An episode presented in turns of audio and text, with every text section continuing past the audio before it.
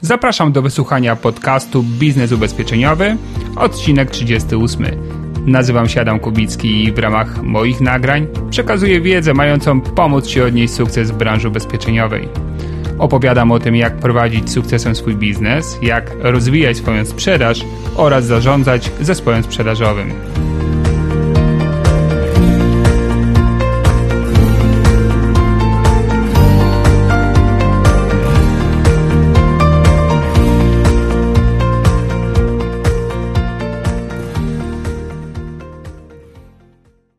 Dzień dobry, witam Cię w najnowszym odcinku podcastu Biznes Ubezpieczeniowy i mam nadzieję, że ten miesiąc maj idzie Ci zgodnie z planem, że sprzedaż jest taka, jaka powinna być, że klienci zachowują się w przewidywalny sposób, reagują właściwie i że perspektywy najbliższych miesięcy jawią się w wspaniałych, złotych barwach.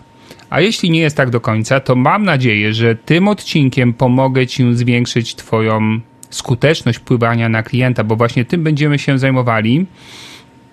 Ale jest wiele sposobów na to, żeby zwiększyć tą skuteczność. A dzisiaj skupimy się na tym, który kiedyś był przeze mnie kompletnie nieznany i, i przez to robiłem bardzo wiele błędów sprzedaży, a później był moją rewolucją, czyli mogę powiedzieć, że był jednym z takich kamieni milowych do tego, aby faktycznie panować nad swoimi wynikami sprzedaży.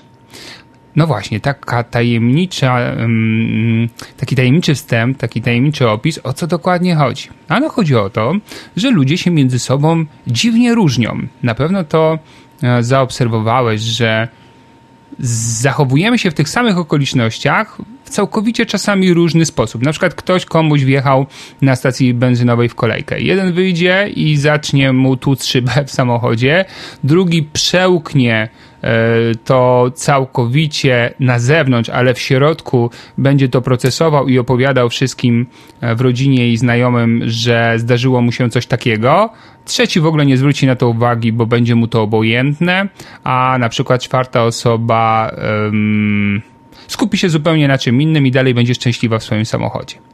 I tak to jest, że każdy z nas ma pewien typ osobowości, albo możemy powiedzieć mieszankę typów osobowości, która powoduje, że zachowujemy się właśnie tak, jak się zachowujemy. I czasami to zachowanie czy sposób komunikacji są tak odmiennie różne, że jeżeli ludzie nie rozumieją tych różnic, skąd one się biorą, że nie są złą wolą drugiej osoby, to dochodzi często na bazie tego, tego niezrozumienia do konfliktów, do właśnie niskiej skuteczności czy jakości tej komunikacji, do niepotrzebnych strat czasu, energii i braku efektu. Ale w momencie, kiedy pozna, poznasz taką wiedzę i kiedy będziesz ją trenować, ćwiczyć i potem świadomie używać w pracy z klientem, to ja gwarantuję ci, że twoja skuteczność wpływania na drugiego człowieka dosyć szybko wzrośnie. I w tym podcaście właśnie tym się zajmiemy. Omówię ci taką najbardziej, jak dla mnie, praktyczną typologię osobowości klientów, ponieważ tych podziałów w tej chwili jest bardzo dużo i mnożą się kolejne, ale skupimy się tym w mojej ocenie naj, najbardziej pragmatycznym, najprostszym, ale przez to najskuteczniejszym. Potem opowiem Ci, jak um, rozpoznawać u klientów, kim są z poziomu osobowości, no i potem co z tym zrobić, czyli jak przy poszczególnych typach zachowywać się, jak reagować, mm, jak poprowadzić proces e, spotkania, ale też jak doprowadzić daną osobę do decyzji na tak. Także tyle w ramach wstępu. No i co? Zaczynamy w takim razie przygodę i omówmy sobie pierwszy typ osobowości, którym jest sangwinik. Zanim przejdziemy do cech sangwinika, do omawiania tych cech, dwie ważne jeszcze informacje. Pierwsza to, że ten system podziału mm, naszych zachowań na różne typy osobowości jest bardzo, bardzo stary, bo ten, o którym będę mówił, to został stworzony przez Hipokratesa, czyli człowiek żyjący na przełomie chyba z tego co pamiętam, V i IV wieku przed naszą erą, czyli już wtedy e, zauważono to, że są między nami różnice i że da się je pogrupować. I druga ważna informacja to taka, że mm, my nie mamy nikt z nas w charakterze, w osobowości nie, nie definiowany jest tylko i wyłącznie jednym typem. Zazwyczaj to jest tak, że jesteśmy mieszanką, znaczy zawsze jesteśmy mieszanką, tylko ta mieszanka może mieć różne konstrukcje. Ja przeprowadziłem, myślę, że w tej chwili spokojnie można podać e, liczbę ponad tysiąc e, przeprowadzonych testów e, osobowości z uczestnikami moich szkoleń. I często to jest łączone z taką zabawą zgadywania tych typów, i to moje doświadczenie tych testów pokazało, że tak naprawdę występują następujące konfiguracje. Są osoby, najczęściej to jest tak statystycznie, że e, w naszej osobowości przeważają z tych czterech dwa typy. Dwa typy mają najwyższą ocenę, a reszta istnieje w niewielkiej ilości lub średniej ilości, ale jest domieszką. Drugi wariant jest taki, kiedy mm, mamy jeden typ przeważający bardzo a reszta jest domieszką. I to jest osoba dosyć mało elastyczna, czy jest silnym cholerykiem, silnym melancholikiem, flegmatykiem czy sangwinikiem.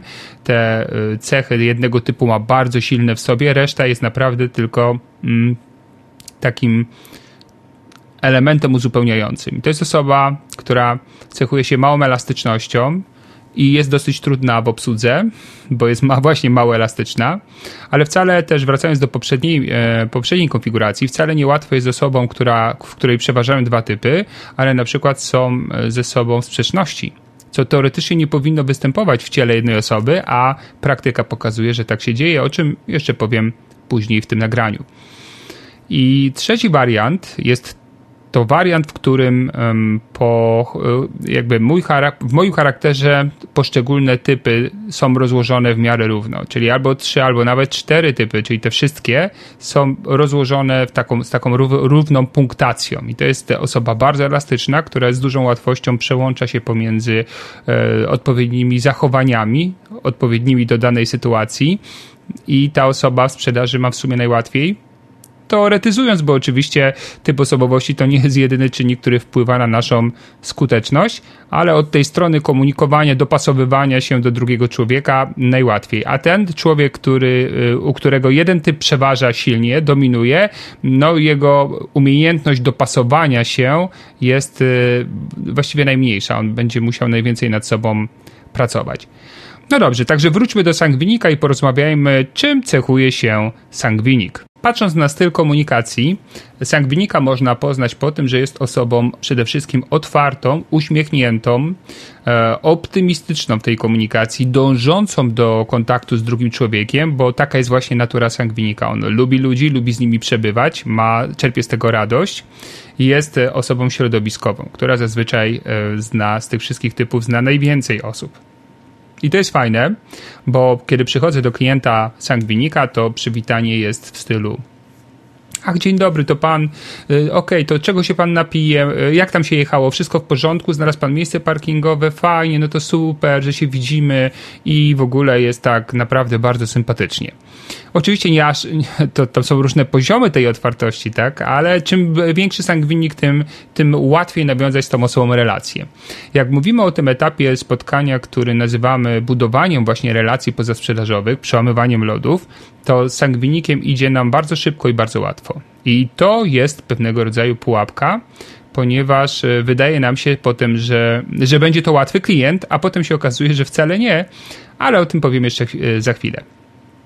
Czyli tak, poznamy po tym, że jest gadatliwy, dużo mówi, e, na wesoło, ale też możesz rozpoznać sangwinika po tym, że zmienia temat. To znaczy tak, zaczyna jakiś temat, włącza mu się w myśli jakiś inny temat, więc nie kończy tego, jedzie następny, potem już nie wraca do e, poprzedniego, bo już zapomniał, że rozpoczął, ale już jest jakiś kolejny, czyli przeskakuje z tematu na temat i robi to nieświadomie. Jest też osobą, e, która mm, jakby się łatwo rozprasza, czyli mm, schodzi jakby z tej ścieżki tego, o czym e, w danej chwili rozmawialiśmy. Więc trzeba tu porządkować tę rozmowę i dbać o to, żeby ona miała odpowiedni charakter i e, trzymała się pewnego kursu. Co jeszcze jest istotne, jeżeli chodzi o rozpoznanie sangwinika? No właśnie, to co teraz powiem jest bardzo ważne. Ponieważ tak bardzo lubi ludzi, to ma problem z tym, żeby być osobą asertywną, czyli wprost powiedzieć jak jest. I teraz na pewno e, masz takie sytuacje w sprzedaży, gdzie denerwujesz się tym, że klient ci wprost nie powiedział, tylko cię zwodzi albo nie odbiera telefonu i tak dalej. To bardzo często jest typ sangwinika, jeżeli nie odbiera dlatego, bo nie potrafi wprost powiedzieć, że na przykład nie skorzysta z oferty i nie kupi ubezpieczenia. No to właśnie jest ten typ najczęstszy, no bo dla niego powiedzenie komuś nie wezmę od ciebie ubezpieczenia, rozumiesz? To jest bardzo, bardzo, kojarzy się z cierpieniem, to jest bardzo trudne i dlatego zrobi wszystko, żeby tego uniknąć. Jak popatrzymy na to, jak mm, widzi świat sangwinik, to jak już mówiłem, jest optymistą, ale też ten świat jest y, dosyć chaotyczny. Czyli jest to osoba, która nie jest poukładana, która nie przepada za tabelkami, systemami, e, kalendarzem, listą zadań. To jest taki człowiek, który kreuje to swoje życie na bieżąco i na wesoło oczywiście. I w związku z tym to jest człowiek, gdzie trzeba, my musimy jakby trochę za niego pilnować pewnych spraw. Jeżeli miał wysłać jakiegoś maila istotnego, to musimy mu o tym przypominać. Nie liczyć, że on będzie pamiętał, bo to jest osoba, która po prostu jest duża szansa, że zapomni, że wyśle nie tego, co powinien, w sensie z poziomu treści, nie tej osobie, której, której powinien, czyli nie na ten adres i jeszcze nie tego dnia, którego powinien, bo na przykład za późno. Więc to tu trzeba o tym pamiętać, że to jest człowiek, który jak jedzie właśnie do galerii i gdzieś parkuje, to potem 20 minut szuka swojego samochodu, że nie wie, gdzie zostawił kluczyki, że mu się dokumenty pomyliły, coś takiego. I te zachowania na pewno niejednokrotnie mm, można odnaleźć właśnie w kontakcie z klientem, i wtedy trzeba sobie od razu uzmysłowić, a to jest prawdopodobnie sangwinik, więc muszę pilnować spraw trochę za niego i dotyczy to nie tylko momentu zabierania umowy, ale też potem obsługiwania tego klienta. Też musimy trochę za niego myśleć i trochę za niego e, pilnować jego spraw, jeżeli chodzi oczywiście o ubezpieczenia. E, ten klient y, widzi świat w różowych barwach, więc zadajmy sobie pytanie z punktu y, sprzedaży ubezpieczeń, czy to jest dla nas korzystne. No właśnie, bo osoba, która jest optymistą, takim nawet nie realistą, tylko takim nadoptymistą, niekoniecznie jest skłonna kupować ubezpieczenia, ponieważ jak wiesz, ubezpieczenia kupuje się ze względu na obawę, lęk, niepokój, a tutaj tego naturalnie u tej osoby nie ma. Ona się bardzo łatwo mm, jakby podnosi z porażek, e, otrzepuje z kurzu, umie sobie różne niepowodzenia dosyć łatwo wytłumaczyć a więc e, nie ma takiego mechanizmu u niej, o Boże, co by było kiedy. Tym bardziej, że właśnie nie jest planistą. Czyli to nie jest osoba, która przewiduje, która planuje, która zarządza e, swoim, e, znaczy ryzykiem w swoim życiu. No i co? I właśnie dlatego to jest klient, w którym podczas rozmowy, z którym podczas rozmowy miło być nie może. To znaczy, kiedy staramy się pobudzić potrzebę klienta, typ sangwiniczny wyjątkowo potrzebuje od nas takich sposobów oddziaływania na niego, które pobudzą w nim niepokój. Czyli albo mocne pytania, które innym typom klientów byś nie zadał, a tutaj zadasz. Co by było, gdyby, nie wiem, pana zabrakło, a pana dzieci były głodne, a żona nie miałaby gdzie pójść i tak dalej, i tak dalej. Mm, albo też silne przykłady, tak, które są adekwatne do jego sytuacji, żeby potrząsnąć naszego sangwinika przykładami on potrzebuje silnych emocji, żeby podjąć decyzję o ubezpieczeniu, bo zazwyczaj wydaje pieniądze na przyjemności. Czyli unika tych pożytecznych e, rzeczy, które nie są przyjemne i raczej skupia się na tych, które są przyjemne. Czyli e, raczej z odrazą płaci podatki i ZUSy, stara się to zostawić na ostatnią chwilę, może zalegać z różnymi opłatami, mm, może na przykład być tak, że jeździ na letnich, a może śnieg nie spadnie, Um, czyli ma takie dużo zachowań, gdzie jak ma wydać pieniądze na coś, co jest pożyteczne, ale nie jest przyjemne, to raczej, raczej pomyślę o tym jutro. Czyli to będzie też klient, który zwodzi nie tylko ciebie, ale też zwodzi siebie. Bo kiedy na przykład w rozmowie z tobą mówi, ja muszę to przemyśleć, to co? To sangwinik będzie potem wieczorami siedział z herbatą w ręku i z żoną czy mężem godzinami rozważał, czy kupić, czy nie i jeszcze potrzebuje na to tygodnia czy dwóch tygodni, albo chce przeanalizować to, czy sangwinik będzie czytał warunki ogólne, czy jest do tego predysponowany. Zazwyczaj męczy się zbyt długim tekstem bardzo szybko, bo to jest osoba, która nie jest typem silnie uczącym się. To jest osoba, która lubi wiedzieć ogólnie, ale niekoniecznie lubi szczegółowo e, rzeczywistość analizować. Znaczy, ja wiem, że nie lubi, no więc jeżeli klient y, tak na koniec spotkania wypowiada takie słowa, to prawie na 100% oznacza, że nie pobudziłeś w nim potrzeby. A więc e, odkładanie tej decyzji, jego decyzji, tak naprawdę nic nie da, bo jak zadzwonimy za ten tydzień czy dwa, nie usłyszymy nic innego niż kolejne wymówki, dlaczego muszę tą decyzję odłożyć w czasie. Więc e, jedyną receptą na takie zachowanie jest silna postawa doradcy, czyli trochę takie przejęcie e, w rozmowie, przewodzenia tej rozmowie i po prostu, no, ja nie mówię, że zadecydowanie za klienta, bo to byłoby zdecydowanie za mocne, ale takie coś, no, trochę wywarcie mocniejszego wpływu niż um, u innych klientów. Panie Adamie, ja nie mogę pana wypuścić bez zabezpieczenia teraz, bo gdyby coś się wydarzyło, to miałbym do końca życia wyrzuty sumienia. A nieraz już miałem tak, że po jakimś czasie wracałem do klienta i już go nie mogłem ubezpieczyć, bo z głupiej grypy zrobiła się jakaś, zrobił się jakiś problem z sercem i potem trzeba było czekać dwa lata, żeby klienta móc ubezpieczyć, a potem to już mu się właściwie sytuacja pogorszyła. I w ogóle nie był ubezpieczalny. Nie ma tematu, musimy to zrobić dzisiaj. Czy jest jakiś powód konkretny, który by panu tego nie umożliwiał? Czyli takimi technikami zamykania staram się tego klienta faktycznie doprowadzić do decyzji. Ale też przygotuj się na to, że klient sangwinik potem będzie miał kłopoty z płatnością ze składki, jeżeli mówimy o nie składce w ubezpieczeniu, gdzie od razu płacimy za cały okres, ale właśnie w jakimś ubezpieczeniu ratalnym, czy w ubezpieczeniu na życie, które płaci się często przecież miesięcznie przez wiele lat. Więc e, taki klient będzie często opóźniał się z zapłatą, będzie trzeba mu o tym przypominać.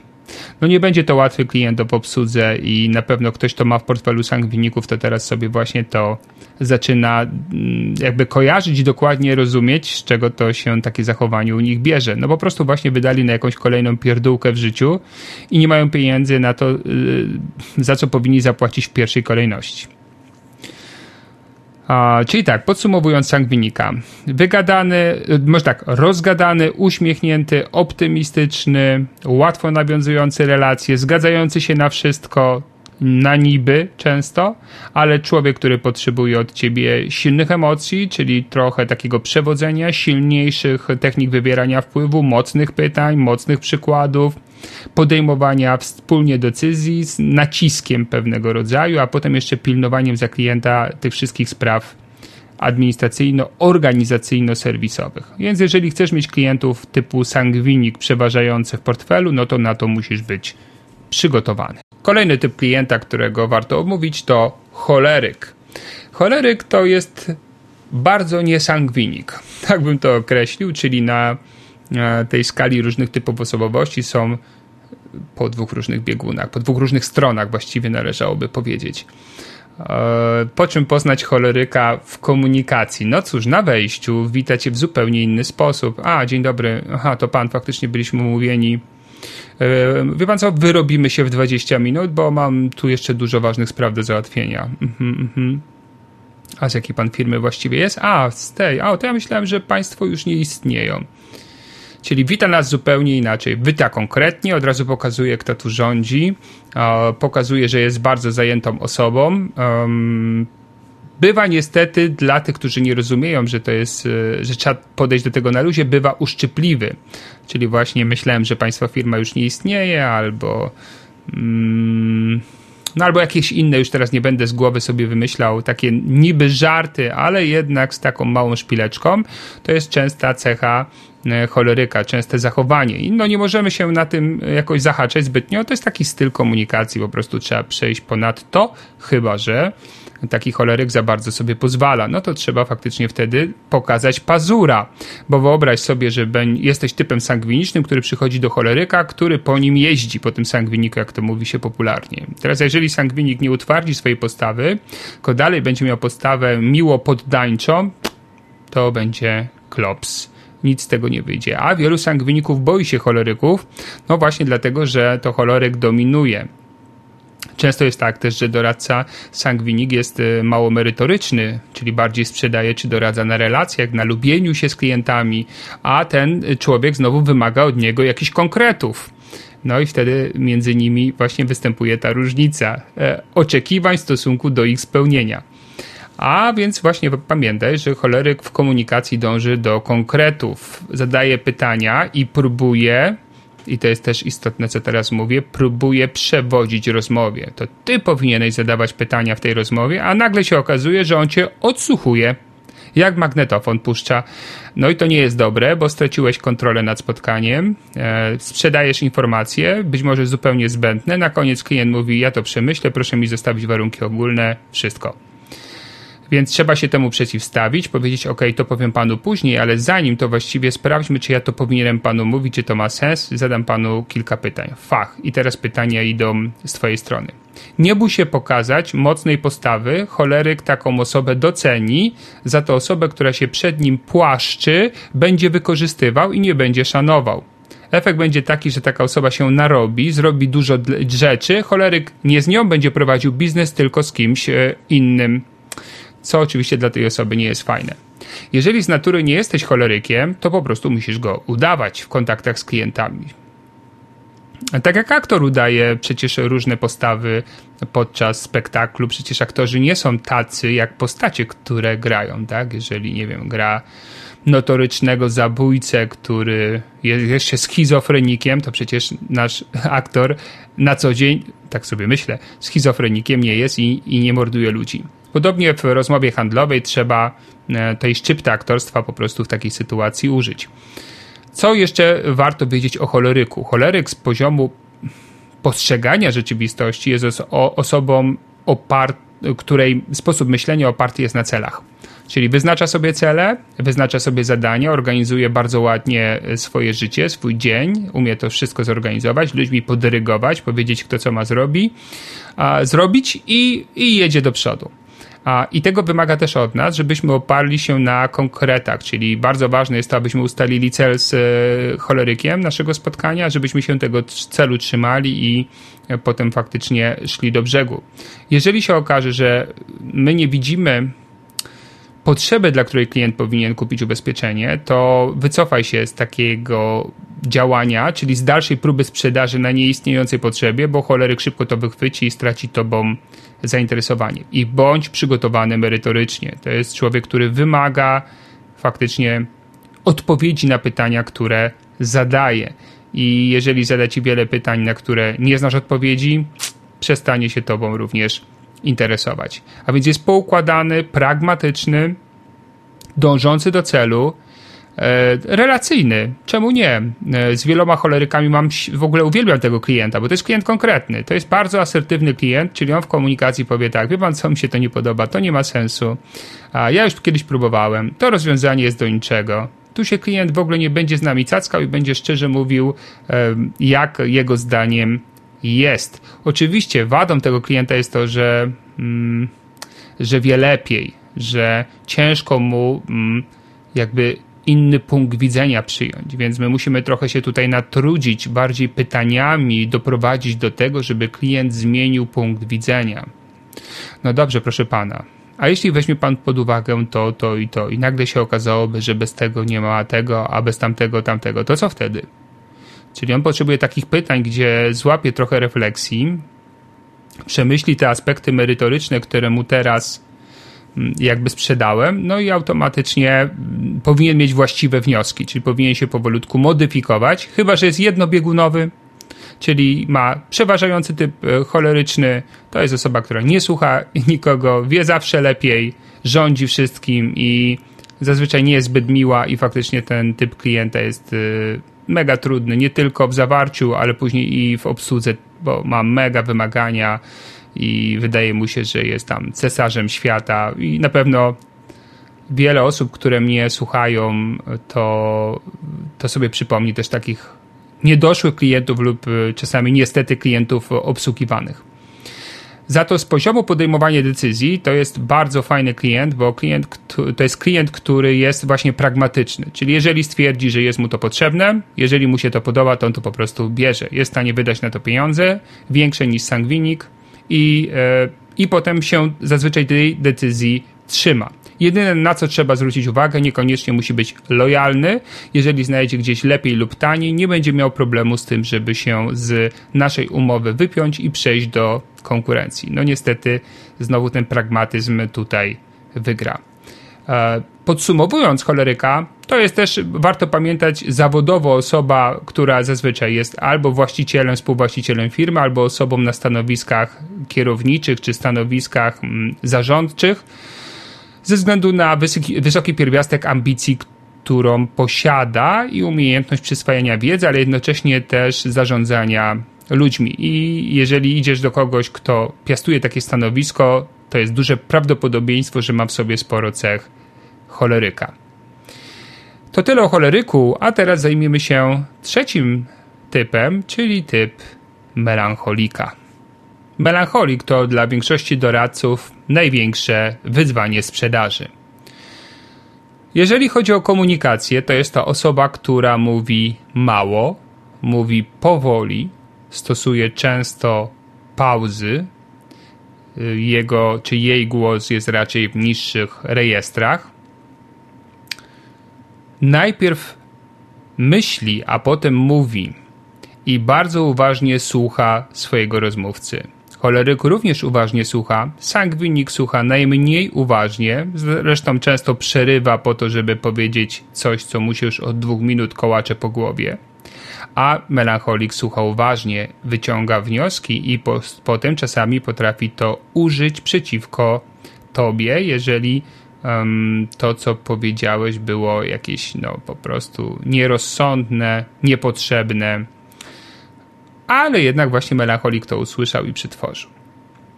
I to, że on stosuje właśnie te pauzy i dużo milczy, rozstraja większość doradców, którzy no, z natury tego zawodu raczej są gadatliwi, rzadko kiedy introwertyczny melancholik staje się na przykład aktywnym sprzedawcą. To nie pasuje mm, do takiej roli. Ten typ osobowości to jest raczej typ analityczny, więc księgowy, informatyk, profesor, inżynier, ale nie sprzedawca. No i teraz przychodzi sobie do takiego klienta. Dzień dobry. Dzień dobry, proszę usiąść, spocząć tutaj. I cisza. On sobie coś tam dubie w swoich dokumentach, a ty czekasz i się pocisz. No i niektórzy nie wytrzymują i mówią, wie pan co, bo ja przyszedłem, ta, ta, ta, ta, ta, ta, ta, ta, ta. No i tam klient niby słucha, ale tak naprawdę niekoniecznie mm, i jest z tego zadowolony, że w tej chwili mówisz. No dobra, zadałeś jakieś pytanie. Klient, cisza. Ty mówisz, Jezu, w środku. Zadałem pytanie, nie odpowiada, co mam zrobić? No i znowu, ta, ta, ta, ta, ta, ta, ta, ta, ta. Czyli bardzo często doradcy, jak mają melancholika przed sobą, to po prostu zasypują tą ciszę swoim gadulstwem, gadaniem. Często od rzeczy, albo nieadekwatnym do tej sytuacji, no bo nawet nie wiesz o czym gadać, bo przecież nie dokonałeś żadnego głębszego wywiadu. U melancholika jest bardzo istotne to, z jakiego źródła do niego dotarłeś, ponieważ jest to osoba z natury nieufna i bardzo wrażliwa a więc jeżeli jesteś zimnego kontaktu, będziesz potrzebować dużo więcej czasu, żeby zdobyć chociaż wstępne zaufanie tej osoby i otworzyć ją do tego, aby odpowiadała na Twoje, no czasami takie głębokie pytania, głębokie w sensie wchodzące głębiej w jej rzeczywistość. Jeżeli jesteś z polecenia, to bardzo dobrze, bo już pierwszą warstwę z tej cebuli mamy zdjętą i możemy powoli pracować dalej. Jak pracować z melancholikiem? Istotne jest to, aby dopasować się do jego stylu komunikacji, czyli na tyle, na ile potrafisz, zwolnij swój sposób mówienia. Zastosuj pauzy i myśl nad tym, co mówisz, aby nie powiedzieć czegoś zbędnego lub takiego, które będzie użyte potem przeciwko tobie. Także zwolnij, spokojnie kiwaj głową, zrób jakiś fajny wstęp. Pamiętaj, że to są osoby pracujące na wartościach często w życiu. Możesz się do jakichś fajnych wartości odwołać, że starasz się w swojej roli zawodowej pomagać klientom, w, opiekować się nimi. Nie wiesz, czy na ile to byłoby adekwatne do klienta sytuacji, ale byłoby miło, gdyby dał ci szansę i chwilę z tobą porozmawiał, być może oceniłby w związku z tym, że jakiś element Twojego doradztwa byłby dla niego korzystny. I trzeba bardzo delikatnie i ostrożnie mówić, bo jeżeli czymś urazisz tego klienta, a on się uraża bardzo łatwo, czymś, że nawet nie pomyślałbyś, że może poczuć się urażony, to taki urażony melancholik chowa mm, tą emocję, tą urazę w sobie na długo. No ja nie mówię, że do końca życia, ale faktycznie na długo i to bardzo, bardzo potrafi go szybciutko zamknąć. A więc musisz być bardzo ostrożny w tym, co mówisz, bo tak jak jeszcze raz powtórzę, to jest osoba bardzo wrażliwa, która sobie dopowiada sporo z tego, co mm, usłyszała. To jest pesymista. To jest melancholik, jak to ładnie wszyscy mówią, tak? Czyli osoba, która jest pesymistą, niekoniecznie skrajnym, to zależy ile tego melancholika ma w osobowości, ale ten pesymizm powoduje, że e, melancholik uważa siebie za realistę. Czyli to wszyscy inni są oszołomami, a on jest realistą. On po prostu twardo stąpa po ziemi i wie jak jest. W związku z tym, kiedy prezentujesz swoje rozwiązanie, moja rada taka jest: zacznij od wad, a nie od zalet. Opowiedz o tym, co nie jest idealne w tym wiem, programie ubezpieczeniowym czy rozwiązaniu, czego tam brakuje, jakie wykluczenia um, mogą spowodować, że klient nie dostanie odszkodowania paradoksalnie u klienta tego typu będzie to w mojej oczywiście subiektywnej ocenie bardzo dobry kierunek rozmowy, ponieważ kiedy zaczniesz od wad, będziesz pokazywał, że myślisz tak jak on, że to jest to samo, ten sam styl, sposób myślenia, bo ten klient właśnie na tym się na początek skupia. A co może nie zadziałać? A gdzie są kruczki, małe druczki? E, gdzie oszukujecie klientów? Kiedy nie wypłacicie? To będą takie pierwsze wątpliwości tego klienta, więc wyjdźmy przed szereg i zacznijmy od tego. Wiem, że brzmi to bardzo dziwnie, ale jak mi zaufasz i spróbujesz parę razy, przekonasz się, że ta metoda faktycznie działa, a potem pokaż, co mm, e, dobrego ten klient może dzięki temu osiągnąć. Ja nie mówię, że ten, ta rozmowa o wadach czy słabszych stronach to ma być, nie wiem, jakiś e, wielozdaniowy, nie wiem, epolet pokazujący same wady tak żeby też nie przesadzić drugą stronę. Ale jedna, dwie rzeczy, o których możesz powiedzieć y, w miarę bezpiecznie, które no nie są cechą idealną Twojego rozwiązania, myślę, że to byłoby ok w kontakcie z tego typu klientem. No i oczywiście cały czas musisz być czujny, żeby nie przyspieszać wypowiedzi, żeby nie mówić za szybkim tempem, żeby stosować te pauzy, to i żeby nie wychodzić przed szereg. To całe to spotkanie y, będziesz musiał być czujny. Ja pamiętam kiedyś spotkanie z klientami, którzy we dwójkę byli melancholikami i jeden i drugi. Jeden był dyrektorem, drugi był jakimś też dyrektorem. Spotkaliśmy się i oni obydwaj milczeli, a ja siedziałem naprzeciwko nich w odległości sporej, bo to jest osoba, która nie lubi siedzieć blisko ciebie. Może to też ważna uwaga. Jeżeli chcesz jej pokazać, to niekoniecznie, jeżeli nie znacie się jeszcze dobrze, to niekoniecznie dosiadaj się do niej, bo tak ci jest wygodnie. Osoba tego typu, introwertyczna, której wejdziesz w tą jej strefę, a ona ma dosyć szeroką tą strefę poczucia komfortu, taką fizyczną odległość między tobą a nim, czy nią. Jeżeli wejdziesz w tą strefę, to, to ta osoba nie będzie czuła się z tym dobrze. No a przecież nie o to w tym wszystkim chodzi.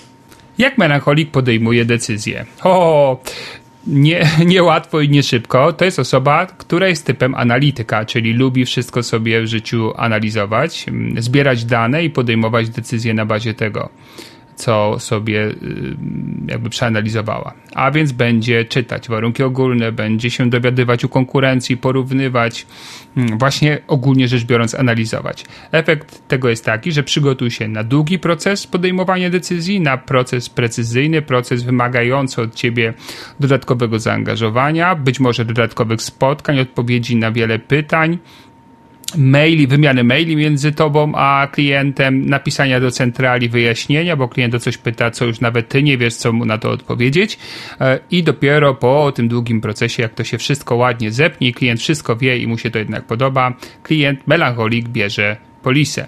No i wtedy jest fajnie, bo jak już tego typu klient zwiąże się z tobą, zbuduje te relacje, e, co nie jest dla niego łatwe, więc jak już ma kogoś, kogo, komu ufa, to z nim zostaje. To znaczy, jeżeli oczywiście nie zrobić jakichś głupstw po drodze, to to jest najwierniejszy typ klienta gdzie, tak jak już mówiłem, e, choleryk pragmatyczny może szybko zmienić się na innego pośrednika, a sangwinik zmienicie tylko dlatego, bo nie umiał odmówić, jak ktoś był silny osobowościowo i po prostu zmusił go do zakupu, a on teraz nie odbiera, bo nie wie jak wytłumaczyć, że już nie jesteś jego agentem. Za to u melancholika jest zupełnie inna sytuacja.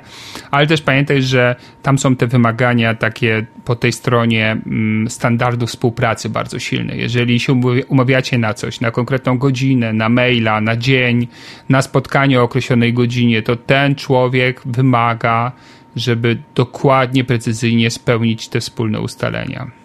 Także sangwinik zapomni o spotkaniu, ty zapomnisz, nic się nie dzieje, choleryk e, też to przełknie, u melancholika byłoby to ryzykowne zrobić w ten sposób. Więc tam musisz faktycznie w kalendarzu mm, mm, wszystko sobie dokładnie notować i to, na co się umówiliście, potem no, w tej współpracy realizować.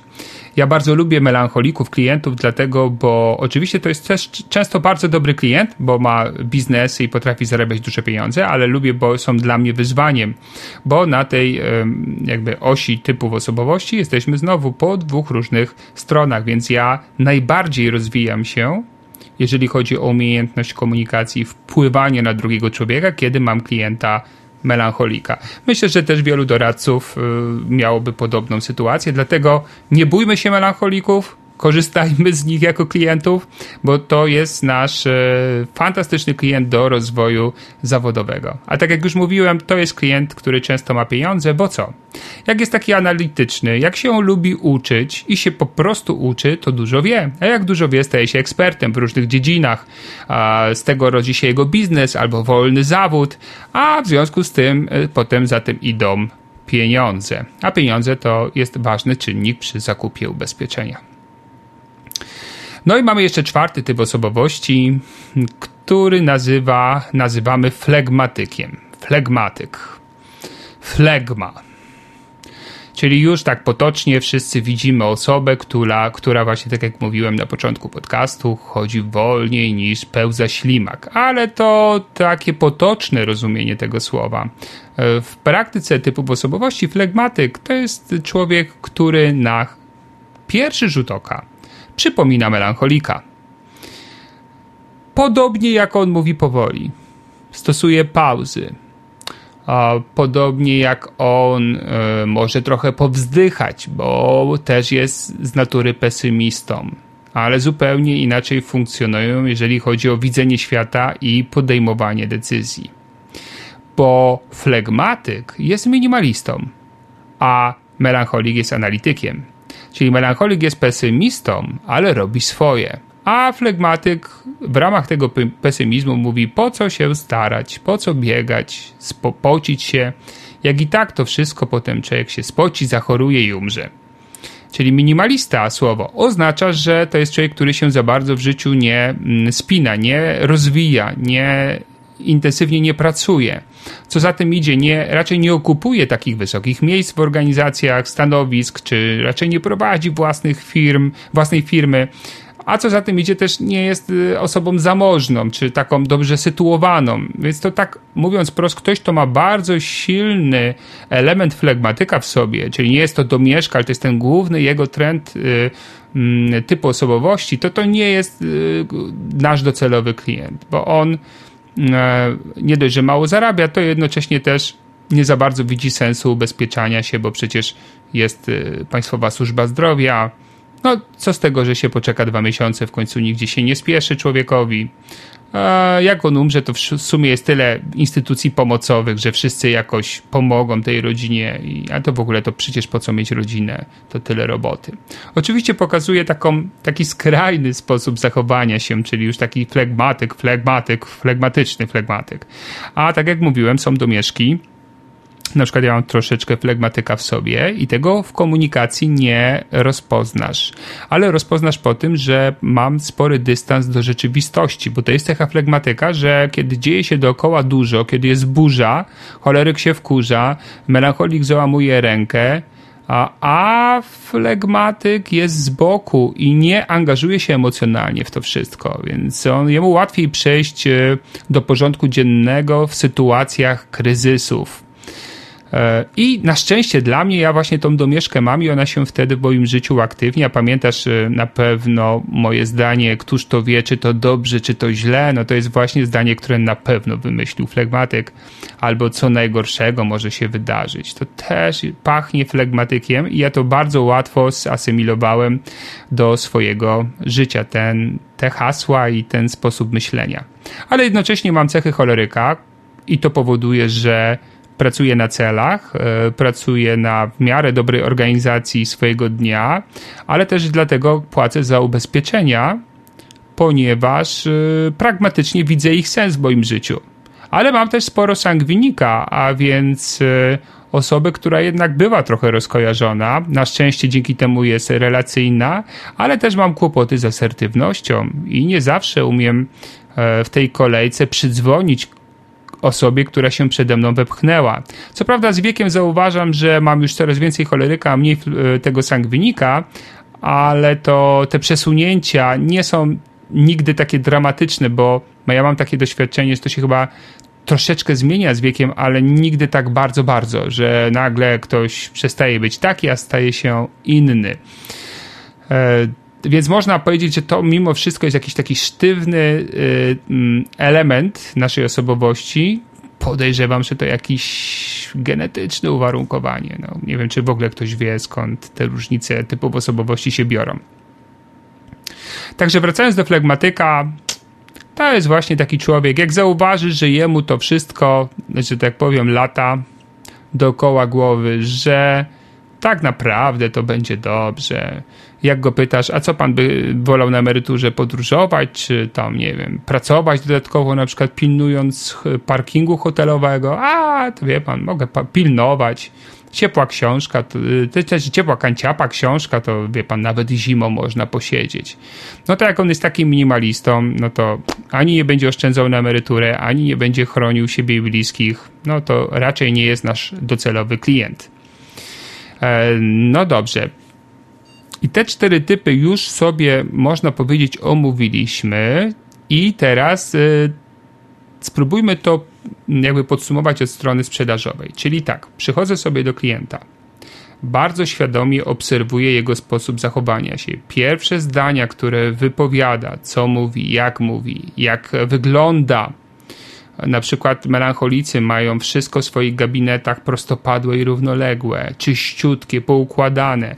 Biurko mi dużo e, potrafi podpowiedzieć. U melancholika wszystko uporządkowane w miarę, tak? Chyba, że to jest naprawdę jakiś taki jego mega gorący okres, ale zazwyczaj ma te swoje skryteczki, ma to wszystko podzielone na jakieś sekcje, kartusie i tak dalej, nie? U choleryka chaos, ale chaos z takim świadomością, że wiem, gdzie co jest więc on nie ma problemu z tym, żeby znaleźć jakiś dokument, tylko y, to wygląda jakby y, był chaos, a on tam wszystko ma poukładane. U sangwinika chaos naturalny. Ten człowiek nawet jak posprząta, to za godzinę znowu ma chaos. Znowu nie odłoży tego, gdzie trzeba, tam mu się te dokumenty jakoś rozsypą. Tu zostawił fragment, tam zostawił fragment, już jest z powrotem wszystko tak, jak było na początku.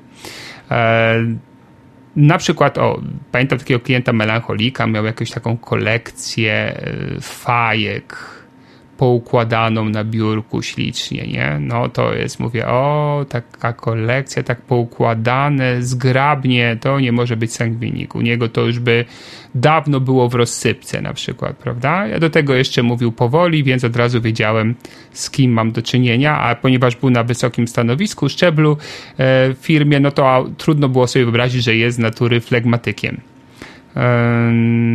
Więc właśnie środowisko klienta, jeżeli to jest spotkanie w jego środowisku, pierwsze zdania, sposób zachowania i my już powinniśmy podejmować decyzje. Pierwszy obszar to tempo mówienia, takiej decyzji, czyli klient mówi wolniej, ja mówię wolniej. Klient mówi relatywnie szybko, zostaje na swoim tempie. Albo lekko przyspieszam, jeżeli ja mówię powoli, ale niezbytnio. Czyli tak, raczej prędzej zwolni, jeżeli jesteś osobą, która mówi szybko, niż przy, przyspiesza, jeżeli jesteś osobą, która mówi statecznie. Chyba, że mówisz faktycznie wyjątkowo wolno. Szczerze mówiąc, to wtedy w ogóle nie wiem, czy sprzedaż to powinna być Twoja domena, jeżeli to jest bardzo, bardzo wolno. Ale mimo, mimo tego bardziej bym kierował się stronę wolniej niż szybciej, niezależnie od typu, którego, który mamy po drugiej stronie. No i od razu budowanie relacji. Sangwinik uważam na to, żeby nie trwało to zbyt długo, bo to wcale nie przyniesie mi być może biznesu, skoro to jest typ sangwiniczny. On lubi sobie pogadać, on nie kontroluje swojego czasu ani mojego. Może się nagle okazać, że mamy już tylko 10 minut na rozmowę i nawet nie zdążę zacząć mówić o tym, co mnie do niego przyciągnęło.